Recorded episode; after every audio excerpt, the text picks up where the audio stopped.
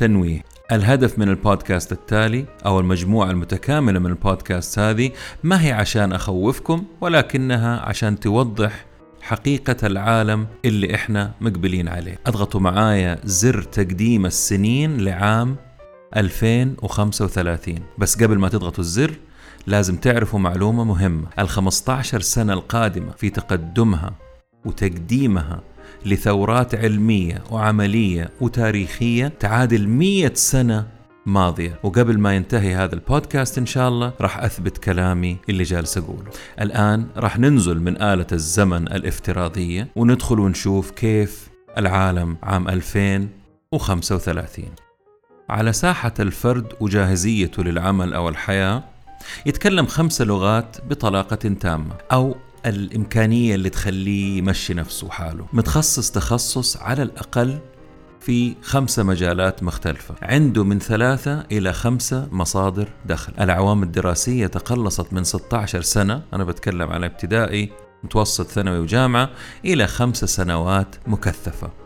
اختفت أكثر الجامعات بشكلها طبيعي اللي إحنا نعرفه عام 2030 وأصبحت افتراضية ومخصصة للبحوث والدراسات فقط. الشهادة ما تعني أي شيء عملك اللي يفيدك. متوسط عمر الإنسان ارتفع من 75 إلى التسعين وأكثر بقليل. سن التقاعد أصبح فوق ال 75 وعلى كيف الإنسان. لا يوجد ولاء وظيفي نهائيا. طبيبك الخاص يراقب علاماتك الحيوية 24 ساعة من خلال التقنية اللي تكون لابسها. اختفت وظائف الصرافين في البنوك في ال supermarkets محطات الوقود خدمة العملاء وغيرها الكثير على حساب ال robots وال artificial intelligence أو الذكاء الصناعي.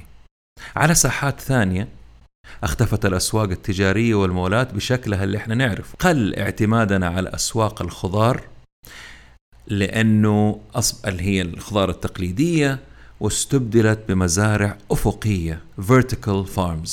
يستطيع الإنسان أنه يسكن في السعودية مثلا ويعمل في سنغافورة وكل يوم يكون في بيته والمشوار من نص ساعة ل 45 دقيقة تقريبا. اختفت العملات المعروفة وانتصر البلوك تشين أو ما شابهه وغيرها من وسائل الدفع الإلكتروني. اختفوا السائقين.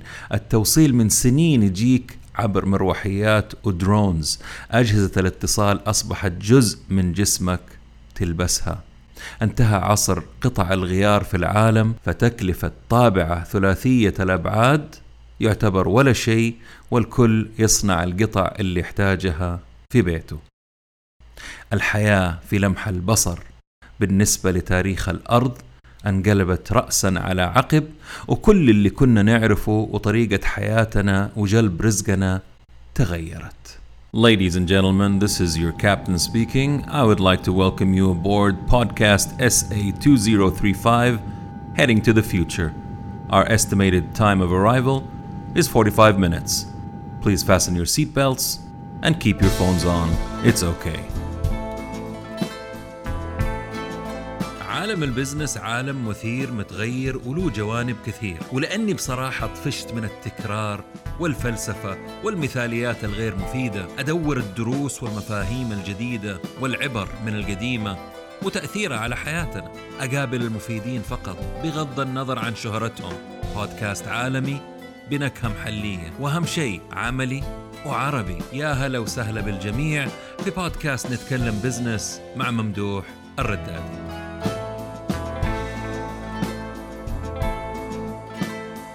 السلام عليكم ورحمة الله وبركاته. مجموعة البودكاست هذه أسميها mega podcast لأنها عبارة عن أربع بودكاست كل بودكاست تقريبا 45 آه، دقيقة أو ساعة وكل بودكاست حيكون بعد أسبوع ليش أربعة؟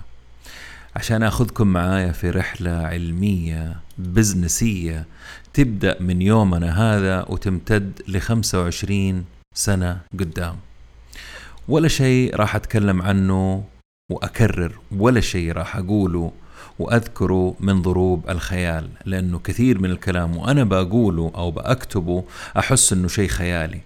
ربما بعض الأمور أضخمها لأهميتها تقريبا 5% أما الباقي فهو واقع موجود معمول به وراح يظهر على مر السنين القليلة القادمة وأسرع مما توقعت وتتوقعوا نقول بسم الله ونبدأ.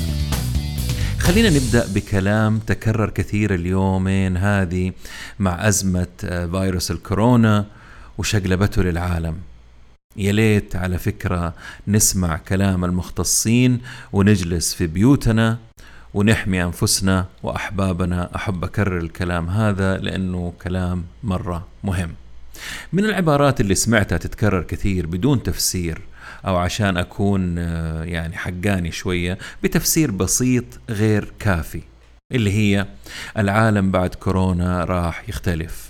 آه هذه مؤامرة صينية أمريكية. هذا كله عشان ال five G هذا الفيروس من صنع الإنسان. هذه نهاية العالم. هذه بداية حرب عالمية ثانية. الاقتصاد العالمي راح ينهار. راح تظهر قوة جديدة وتختفي قديمة. ما راح أطعن في أي عبارة ولا أحلل ولكن زي ما يقولوا ما في دخان من غير نار. ومن العبارات طبعا المعمول فيها في اليومين هذه حوالين العالم اللي هي ال social distancing أو التباعد الاجتماعي. بسبب هذا التباعد الاجتماعي واختفاء كثير من العادات احتمال للأبد وعلى مستوى العالم هذا رغم أهميته فهو موضوعي في بودكاست مخصص لل business. أهميته تكمن في الأمور التالية وكيف راح تتغير للأبد بسرعة خيالية. أرجع أكرر سرعة خيالية هنا يعني حاجة بحط عليها خطين دائما بالنسبة لتاريخ البشرية البطيء بالنسبة للبيئة الاجتماعية. اخترت على سبيل المثال بدون ترتيب أو أهمية قطاعات وأمور راح تتغير للابد تعليم العمل التسوق النقود والمصارف الحكومات الاجتماعات التنقل أو النقل بجميع أشكاله الصحة الاتصالات العقليات والعالم بكبره. من الطبيعي إنه الإنسان يرفض أي فكرة جديدة اضطرابية تخريبية فما بالكم مواضيع كثير جالسة تتغير وتضطرب وتتغير على الكوكب. لا وبسرعة كمان. راح أشرح بالتفصيل نظريتين للتقبل والانتقال من مرحلة لمرحلة ومين هم أوائل المتقبلين وآخرهم في البودكاست الثالث من هذه المجموعة. بس عشاني أنا اليوم صدقوني إلين ما أجي وقت البودكاست الثالث. طيب راح أسأل سؤال هنا يساعدنا كثير في الأمور القادمة اليوم. ليش تتوقعوا سنة 2020 سنة تاريخية بالنسبة للعالم والابتكار والتطور العالمي؟ بغض النظر عن فيلم الرعب اللي إحنا عايشين فيه اليوم يعني أنسوا ذا الموضوع حاولوا يعني قدر المستطاع تنسوا الموضوع ده وركزوا معايا. أهمية 2020 تكمن في شغلة مهمة جدا وهي بعدها الزمني عن أهم الاختراعات والابتكارات اللي حصلت في العالم. لكم أن تتخيلوا أنه عدى على ال 25 حاجة القادمة اللي حذكرها كم سنة؟ شوف الإنترنت عدى عليه 29 سنة. أول سيارة كهربائية شافها العالم عدى عليها 110 سنة. الاتصال المرئي 24 سنة. اللعب في ال DNA 47 سنة. الذكاء الاصطناعي 69 سنة. الواقع المعزز أو ال artificial آه، لا ال augmented reality 52 سنة، الطابعة ثلاثية الأبعاد ترى ما هي جديدة لهم 36 سنة بيشتغلوا عليها، السيارة الكهربائية والاتصال المرئي وال DNA والذكاء الاصطناعي والواقع المعزز وال 3D printer أمور تم تطويرها بسرعة كبيرة في آخر عشر سنوات بسبب آه راح أتكلم فيه بعد شوية. نكمل. الاثنين G له 29 2G له 29 سنة. ال 3G في اتصالاتنا له 19 سنة. ال 4G له 14 سنة. ال 5G له سنة. البلوتوث فاكرين بلوتوث؟ 19 سنة. التسوق أونلاين هو وأمازون 25 سنة. جوجل لها 24 سنة. الايبود 19 سنة. الآيباد 10 سنين. السكايب 17 سنة فيسبوك 16 سنة تويتر 14 سنة ويكيبيديا 19 سنة. Mars Rover الجهاز الإلكتروني ال remote control اللي اشتغلوا به على على زحل آه 17 سنة. آه ال drones تجاريا لها 10 سنين. الواتساب له 11 سنة. يا جماعة الخير يعني سنين كثير عدت على اختراعات عملاقة غيرت عالمنا. اللي وراء هذه الاختراعات والابتكارات والمستخدمين والمعامل والحكومات والشركات اللي تحتاجها ما تتوقعوا جالسين يطوروا فيها يتخيلوا كيف ممكن تساعدهم أكثر أهدافهم أحلامهم أعمالهم تحدياتهم تجارتهم خفقاتهم نجاحاتهم؟ فين راحت؟ 2020 سنة مصيرية ومقياس معياري لكثير من ال 25 شغلة اللي ذكرتهم. مو بس كده وسائل اليوم غير وسائل عمرها 20 و30 سنة. وسائل اليوم أذكى وأسرع وأفضل وأهم شيء أرخص. خليني أضرب مثال آه الكل يقدر يهضمه. الجوال الذكي اللي معاكم اليوم سعره التقريبي حوالي ألف دولار. يعني أكثر أقل بقليل إلى آخره. يعني 3700 ريال. خليني أشرح وأفصل هذا الجهاز ونشوف إيش داخله من تقنيات وقيمتها زمان واليوم. داخل كل جهاز في الأشياء اللي راح أقول عليها وراح أعطيكم السعر حق الشيء هذا في السنة اللي أنعرض عليها في العالم. محادثة فيديو مجانية عام 82 كانت تكلف الجهاز يعني 250 ألف دولار. GPS اليوم مجانية في عام 82 كانت ب 119 ألف دولار. جهاز تسجيل صوتي اليوم مجاني في الجوال. عام 78 كان قيمته 2500 دولار من سوني.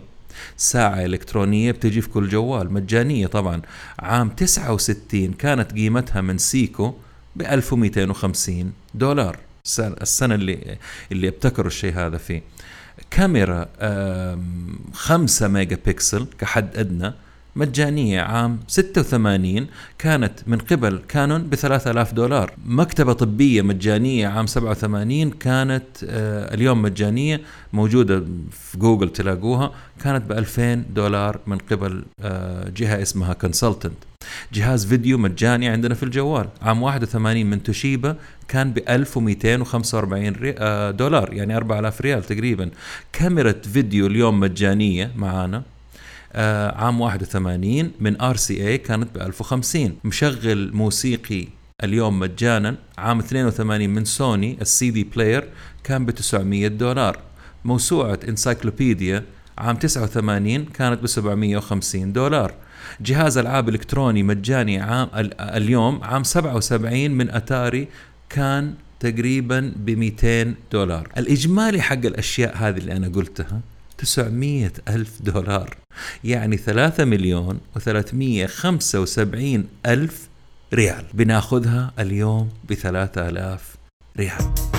أول مواضيعنا المهمة اللي لازم نتكلم عنها هي حاجة يسموها exponential growth أو exponential technology أو تقنية النمو المتسارع. النمو المتسارع لأنه عشان هذه يعني ما هي حصة رياضيات وأنا أصلا فاشل في الرياضيات راح أحاول أبسط المسألة. النمو ياخذ عدة أشكال منها البسيطة المتعارف عليها زي النمو الخطي لينير آه، أعذروني على الترجمة ولكن هذا النوع يزيد بطريقة تسلسلية يعني واحد اثنين ثلاثة أربعة خمسة ستة. أو عشان أروح من المكان اللي أنا فيه للبقالة اللي في الحي 100 خطوة وللمطعم اللي بعده بشوية 500 خطوة وكذا يعني بكل بساطة النمو الرقمي ماشي بطريقة متسلسلة موحدة وتقريبا كل شيء في حياتنا كذا طريقته. عشان كذا متعودين عليه. يعني الواحد يدرس ابتدائي متوسطة ثانوية جامعة يشتغل آه، وفي بعض الأحيان نلقى آه، مثلا طفل دراسته عادية ونموه يعتبر طبيعي. ونقول زيه زي غيره وفجأة تلقاه يتفوق على الكل وينفرد بعيد عنه. وأحيانا نلقى أمور تحس إنها ما بتتغير إلا تغيرات بسيطة. وبدون سابق إنذار بعد فترة تلقى التغيرات تاريخية وكبيرة بل عملاقة ومخيفة. هذا النوع الأخير هو النمو المتسارع أو الاكسبوننشال جروث وطريقة تسلسله لو حبيت أتفلسف رياضيا هي كالتالي. واحد يصبح اثنين اثنين يصبح أربعة أربعة تصبح ثمانية ثمانية تصبح 16 و32 وبعده 64 و128 و256 و512 وانت ماشي.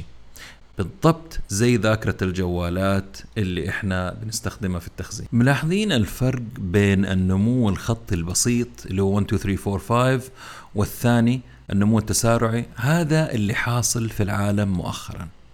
عشان أوضحها راح أضرب مثال لشركة كوداك لما السيد ستيفن ساسون قدم أول كاميرا رقمية digital للتنفيذيين في الشركة. كان وزنها يمكن في الثمانية 78 تقريبا. كان وزنها 4 كيلو وحجمها كبير وصفاء الصورة كان تخيلوا أقل من نصف بيكسل اليوم الآيفون صورته فيها 12 مليون بكسل وكانت الكاميرا تصور أسود وأبيض وثلاثة صور فقط. السنة اللي قدم اختراعه لهم كانت أيوه عام 76 ميلادي. وطبعا الإدارة جن جنونها واعتبروها نكتة. وبدل ما يسألوه عن التكنولوجيا والابتكار سألوه متى راح تكون كاميرا زي كذا جاهزة ومنافسة للكاميرات حقتنا التقليدية اللي تطبع وتحمض الأفلام؟ وليش الناس راح تشتري كاميرا وما تطبع صورها؟ وبس تشوفها على شاشة إلكترونية. وفي عام 96 وبعد 20 سنة من تقديم والاختراع كاميرا رقمية شركة كوداك كان كانت يعني زمان. إحنا متك... طبعا كلنا نعرف تكلمت أنا قبل كذا في بودكاست عن آه، شركة كوداك وكيف كانت عملاق في مجالها وكيف أفلست. فكانت أحد عمالقة الأسواق الأمريكية والعالمية وتعتبر عندها احتكار لسوقها كامل. مو بس كذا كانت قيمتها السوقية 28 مليار ذاك الوقت وعندها 140 ألف موظف. كانت مسيطرة على 90% من سوق أفلام التحميض و85% من سوق الكاميرات في أمريكا. عشان يجاوبهم على سؤالهم في 76 لما قالوا له متى تكون جاهزة عمل حسبة على قاعدة مور اللي هو مؤسس انتل ال digital هذه وتوقع إنه المستهلك الطبيعي راح يحتاج تقريبا 2 مليون ميجا بكسل وهو عنده في ذاك الوقت فاصلة صفر واحد بكسل يعني كان يحتاج من 15 ل 20 سنة تقريبا وهنا كانت المصيبة لأنه حسبها بطريقة خطية حسب النمو المتوقع المعروف اللي هو كان مضاعف كل 24 شهر. زي ما أنتم عارفين الحرب في العالم على سعة التخزين وتقليص الأسعار كيف أدى إلى أنه جوالاتنا اليوم أسرع ألف مرة من كمبيوترات السبعينات وأرخص بمليون مرة كمان. هذه هي قوة النمو المتسارع exponential growth. من الصفات حقت الاكسبوننشال جروث هذا إنه تحس إنه ما في شيء بيحصل وفجأة تصحى وتلقى الدنيا اختلفت تماما لأنه اللي تعود على النمو التقليدي المعروف راح ينخدع بعد فترة. ونرجع لخطواتي للبقالة اللي أنا كنت بقول عليها اللي 100 خطوة. لو أخذت 50 خطوة خطية عادية راح أوصل للبقالة من بيتي ولكن لو أخذت تخيلوا لو أخذت خمسين خطوة تسارعية من نفس نقطة البداية راح أكون بلف حول الأرض أربعين مرة تقريبا يعني أكثر من مليار خطوة. أستحملوني والله ما هي حصة رياضيات ولا فيزياء ولا شيء بس لازم عشان نستوعب الموضوع نستوعب إيش اللي حاصل في ال linear growth وال exponential growth لأنه على نفس الخطوات هذه اللي تكلمت عليها يحصل النمو التسارعي في التقنية طبعا. كل شيء نعرفه نسبة التسارع في نمو تتضاعف بطريقة أسية. لو تلاحظوا على مستوى أجهزة التلفزيون مثلا خلينا نتكلم على أشياء إحنا نعرفها. إيش اللي بيحصل؟ الله يرحم أيام التلفزيون اللي اسود وأبيض وبعدين الملون وبعدين المسطح وال HD وال 3D وال 4K وال 8K كلها سنين بسيطة بينهم والأسعار من مية ألف ريال ل 4000 وأقل. هذه exponential technology تقنية تسارعية. لازم نعرف أنه في مراحل الصناعة إيش اللي بيحصل في المجال أو آه الصناعة. بيتر آه، ديامانديس وزميله كوتلر اختصروها وجابوا ستة آه، خطوات يحصل في ال في ال exponential technology اللي هي الرقمنة الانخداع الاضطراب نزع القيمة اختفاء السلع وديمقراطية السلع. أول شيء الرقمنة digitalization تحويل الصناعة لشيء رقمي على سبيل المثال الصور من تحميض لإلكترونية. ال deception أو الانخداع الشيء الثاني هي الفترة اللي تسبق النمو المتسارع لأنها خطوات صغيرة في البداية وما إحنا منتبهين لها. بعد كده تيجي ثالث المراحل ال disruption أو الاضطراب. إزاحة أو إزالة سوق قائم بواسطة تقنية حديثة. رابع الأمور ال demonetization نزع القيمة. يصبح الشيء مجاني دون مقابل بعد أن كان له ثمن زي الصور وطباعتها. ال dematerialization اختفاء السلع. هنا زي سكايب آه لما الجوالات آه أصبحت الناس يتكلموا بالمجان والواتساب ترسل رسائل ال SMS كانت بفلوس الواتساب بدون ما عندك قيمة مضافة فما تقدر تحاسب عليها. ال democratization اللي هو ديمقراطية السلع مثال حالي محاولة بعض الأثرياء إنهم يجعلوا الإنترنت في العالم مجاني زي آه، زكربرج حق فيسبوك وواحد ثاني ناسي مين هو يبوا يخلوا الإنترنت مجاني لكل العالم لأنه في الأخير حيخدم مصالحهم هم في مواقعهم. بعد ما عرفنا إنه أي تقنية تتضاعف في قوتها أو أدائها تسلسل معين مع انخفاض في سعرها بشكل مستمر إلى أنها تتحول بشكل رقمي أو لشكل رقمي يعني أصفار واحد zeros and ones نقدر نبرمجها وتصبح رقمية زي ما يقولوا. تفقد الخاصية هذه وتبدأ رحلة النمو المتسارع الإكسبوننشال جروث لو ضربنا مثال زي استخدامنا كمبيوترات لتسريع كمبيوتراتنا. بناخذ الكمبيوتر بنعالجه بنبرمجه عشان نسرع الكمبيوترات اللي عندنا وهكذا. وهذا التسارع يولد تسارع ويزيد من سرعتنا. فاكرين لستة ال 25 تقنية اللي عدى عليها أكثر من 20 سنة؟ وقلت لكم في تقنيات لها أكثر من 35 و 75 سنة؟ زي السيارة الكهربائية الاتصال الدي ان اي الذكاء الاصطناعي الواقع المعزز والطباعة ثلاثية الأبعاد. كل هذه التقنيات ينطبق عليها قانون عوائد التسارع. التطور هذا في هذه التقنيات يعتبر أخبار قديمة حتى بالتسارع حقها. ليش؟ فاصل ونواصل. تعتبر أخبار قديمة لأنه دحين حنتكلم على شيء اسمه convergence.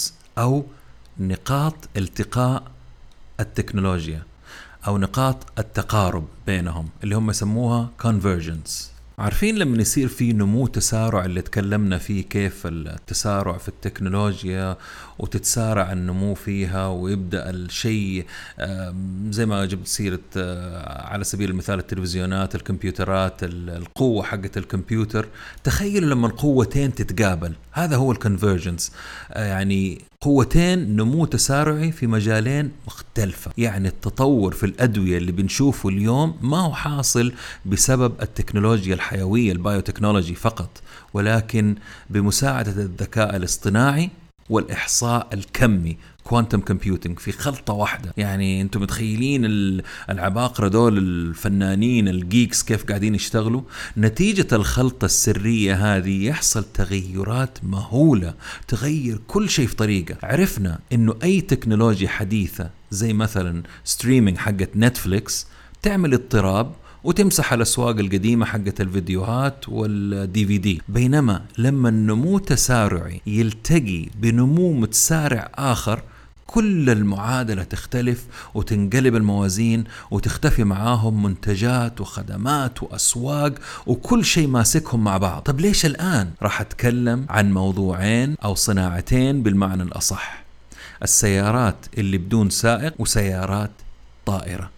الله يخليكم لا تقفلوا البودكاست ترى ما بجيب كلام علمي آه، خيالي قصدي. فعلا في الموضوع ما هو خيالي بل واقع حاصل اليوم. زي ما في بداية القرن الماضي السيارات أم ماكينة combustion engine تشتغل بالبنزين تخلصت تدريجيا من الأحصنة والعربات. كان زمان أحصنة وعربات تخلصت منها السيارات.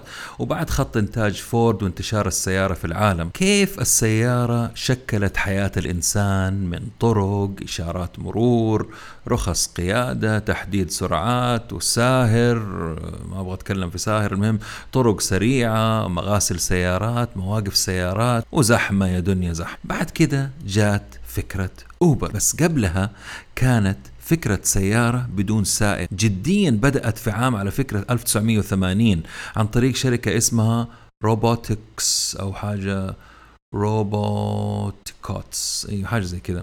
وشركات السيارات أخذت الموضوع بجدية في التسعينات. يعني في الثمانينات بدأت بس ما حد كان مهتم إلين ما إحنا بنتكلم على سيارة آه بدون سواق على فكرة ها معليش يعني لازم أوقف لأنه أنا قعدت أعيدها وأرجع أقرأ فيها وأتأكد من المعلومات.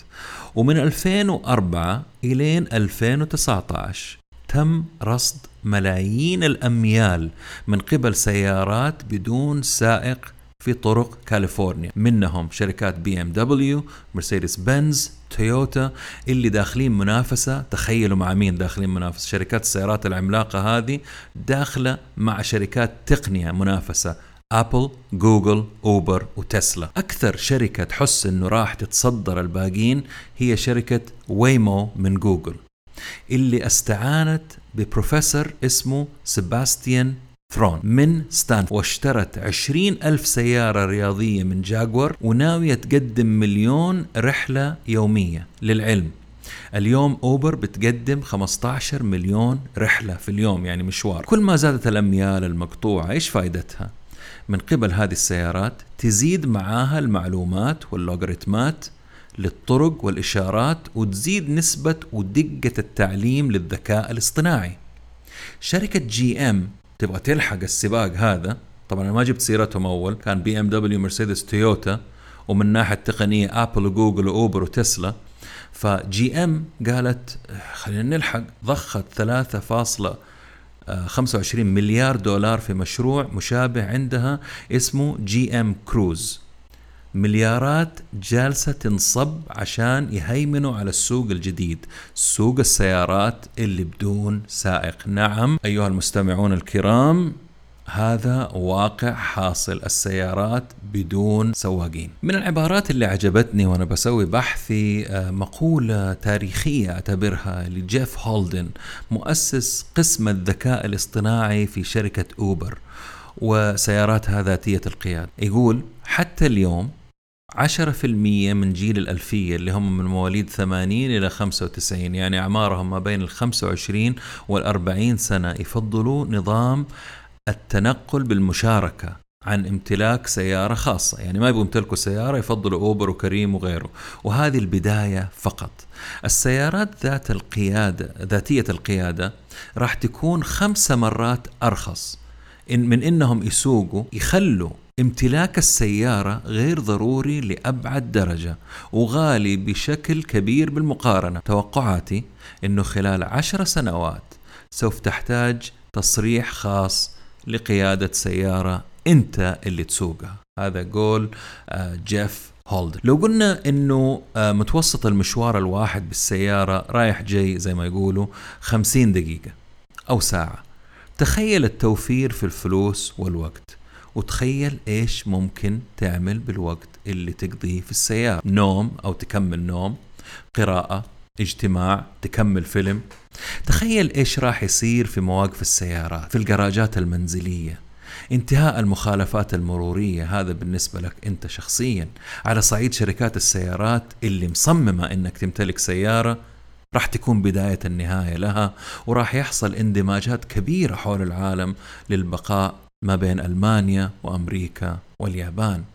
سيارة ذاتية القيادة تقدر تخدم ستة أفراد من أسرة واحدة تخيل الهبوط في صناعة وبيع السيارات الجديدة. راح تختفي حكاية فخامة الموديل وأهمية ونوع سيارتي وسيارتك زي ما هو حاصل مع كريم وأوبر وليفت اليوم.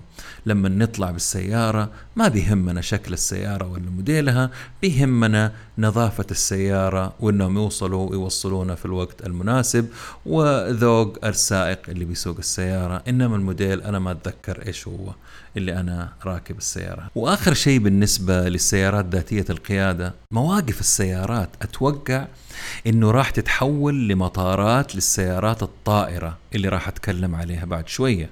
وبالنسبة للعقار تخيلوا معايا مواقف المولات والخدمات العامة وأماكن الترفيه اللي راح تتحول لأماكن تجارية وسكنية. في جميع الأحوال مع تكنولوجيا النمو السريع ال exponential technology وال convergence مع بعض المواصلات ما راح تكون نفس شكل اليوم نهائيا خلال العشر سنوات القادمة.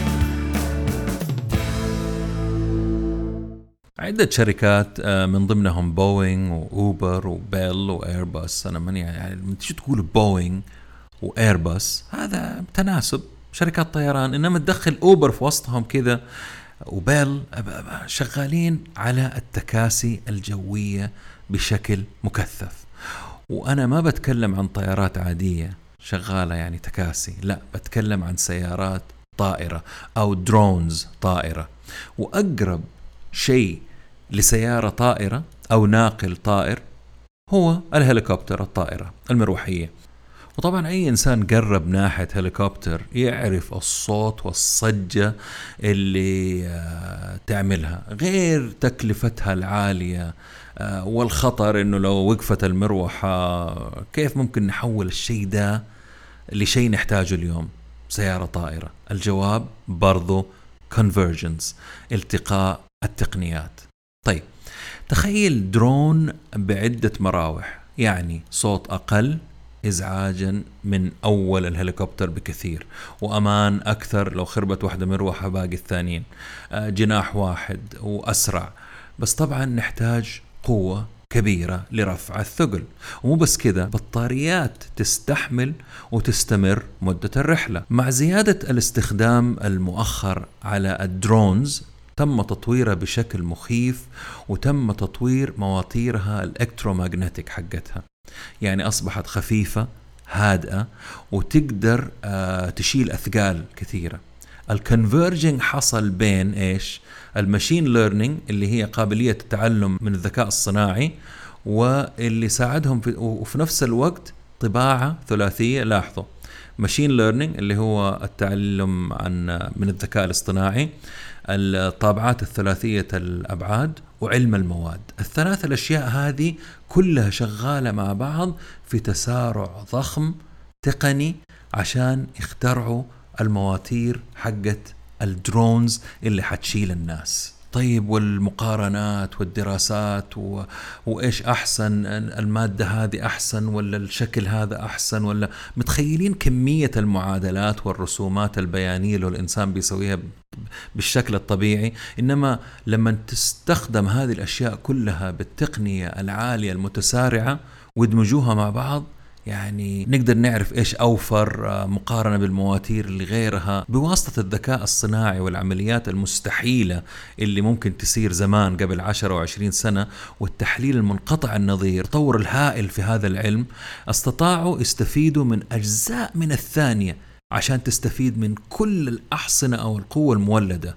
ويقدروا يقرأوا البيانات وال GPS والرادار والبطاريات. طبعا كيف تصنع بطارية تشيل أربع ركاب بوزنهم غير وزن المركبة والطيار؟ عن الأرض وتوصلهم مشوارهم بالأرقام. إذا جينا بالأرقام. طبعا التحليل إيش بيقول؟ يحتاجوا 350 كيلو وات في الساعة لكل كيلو جرام. وهذا طبعا يعني شيء شبه مستحيل. حتى تم اختراق حاجز المستحيل بجيل جديد من البطاريات الليثيوم عندها قابلية قطع مسافات وإعطاء قوة الارتفاع للأعلى. بعد ما تم معالجة الإمكانيات والأمان يبقى عامل السعر اللي هو المرتفع. تحتاج شركة أوبر صناعة مكثفة. يعني لما نيجي نقارن هنا نبغى نقارن مكثفة كم سيارة يحتاجوا. يحتاجوا يعني آلاف السيارات أو الطائرات. شوفوا أنا حتى مخي مو راضي يستوعب. آلاف ال drones عشان تسير يصير السعر لأنه اقتصاد آه، اللي هو كل ما زادت الكمية كل ما قل السعر. فجوا حسبوها أكثر من أيام الحرب العالمية الثانية اللي كانوا يصنعوا طيارة كل 63 دقيقة. عشان الشيء هذا يحصل نحتاج برضو convergence. بين إيش؟ التصميم من قبل ال AI ال artificial intelligence الذكاء الصناعي. الطوابع ثلاثية الأبعاد سريعة بمواد خام خاصة. علم علم مواد يصنع هذه المواد الخاصة. كمبيوترات بطاقة ضخمة تعمل لنا quantum computing طبعا تعمل لنا كل هذه الأشياء وتدرسها في نفس الوقت. كل الأشياء هذه موجودة يا جماعة الخير اليوم. راح نعيش فترة ازدهار وتطور تقني سريع منقطع النظير. عمره ما شافه الإنسان من قبل. drones الطائرة والتكاسي الطائرة هذه اللي كانت خيال في يوم من الأيام قبل 20-30 سنة مجرد بداية. انتهينا من حلقة اليوم بس كذا حختصر باختصار سريع. آه، أهم أشياء في حلقة اليوم عشان نستعد للبودكاست حق الأسبوع القادم. العشر سنين القادمة تقدمها العلمي والتقني والصناعي راح يتفوق على المئة عام الماضية رغم اختفاء وظائف كثير ومهن عديدة إلا أنه في المعادلة الكلية راح ينخلق وظائف تعادلها وتزيد. الذكاء الاصطناعي ما هو عدو الإنسان. عشان نشوف النور اللي في آخر النفق لابد أنه نتقبل الواقع ونظرة التشاؤم من الكثير. عشان يتحول العالم لما هو قادم لابد من مقاومة شرسة. التسارع في تسارعنا وتقنية النمو المتسارع والتقاء التقنيات راح يؤدي لتسارع غير مسبوق في كل مجالات الحياة.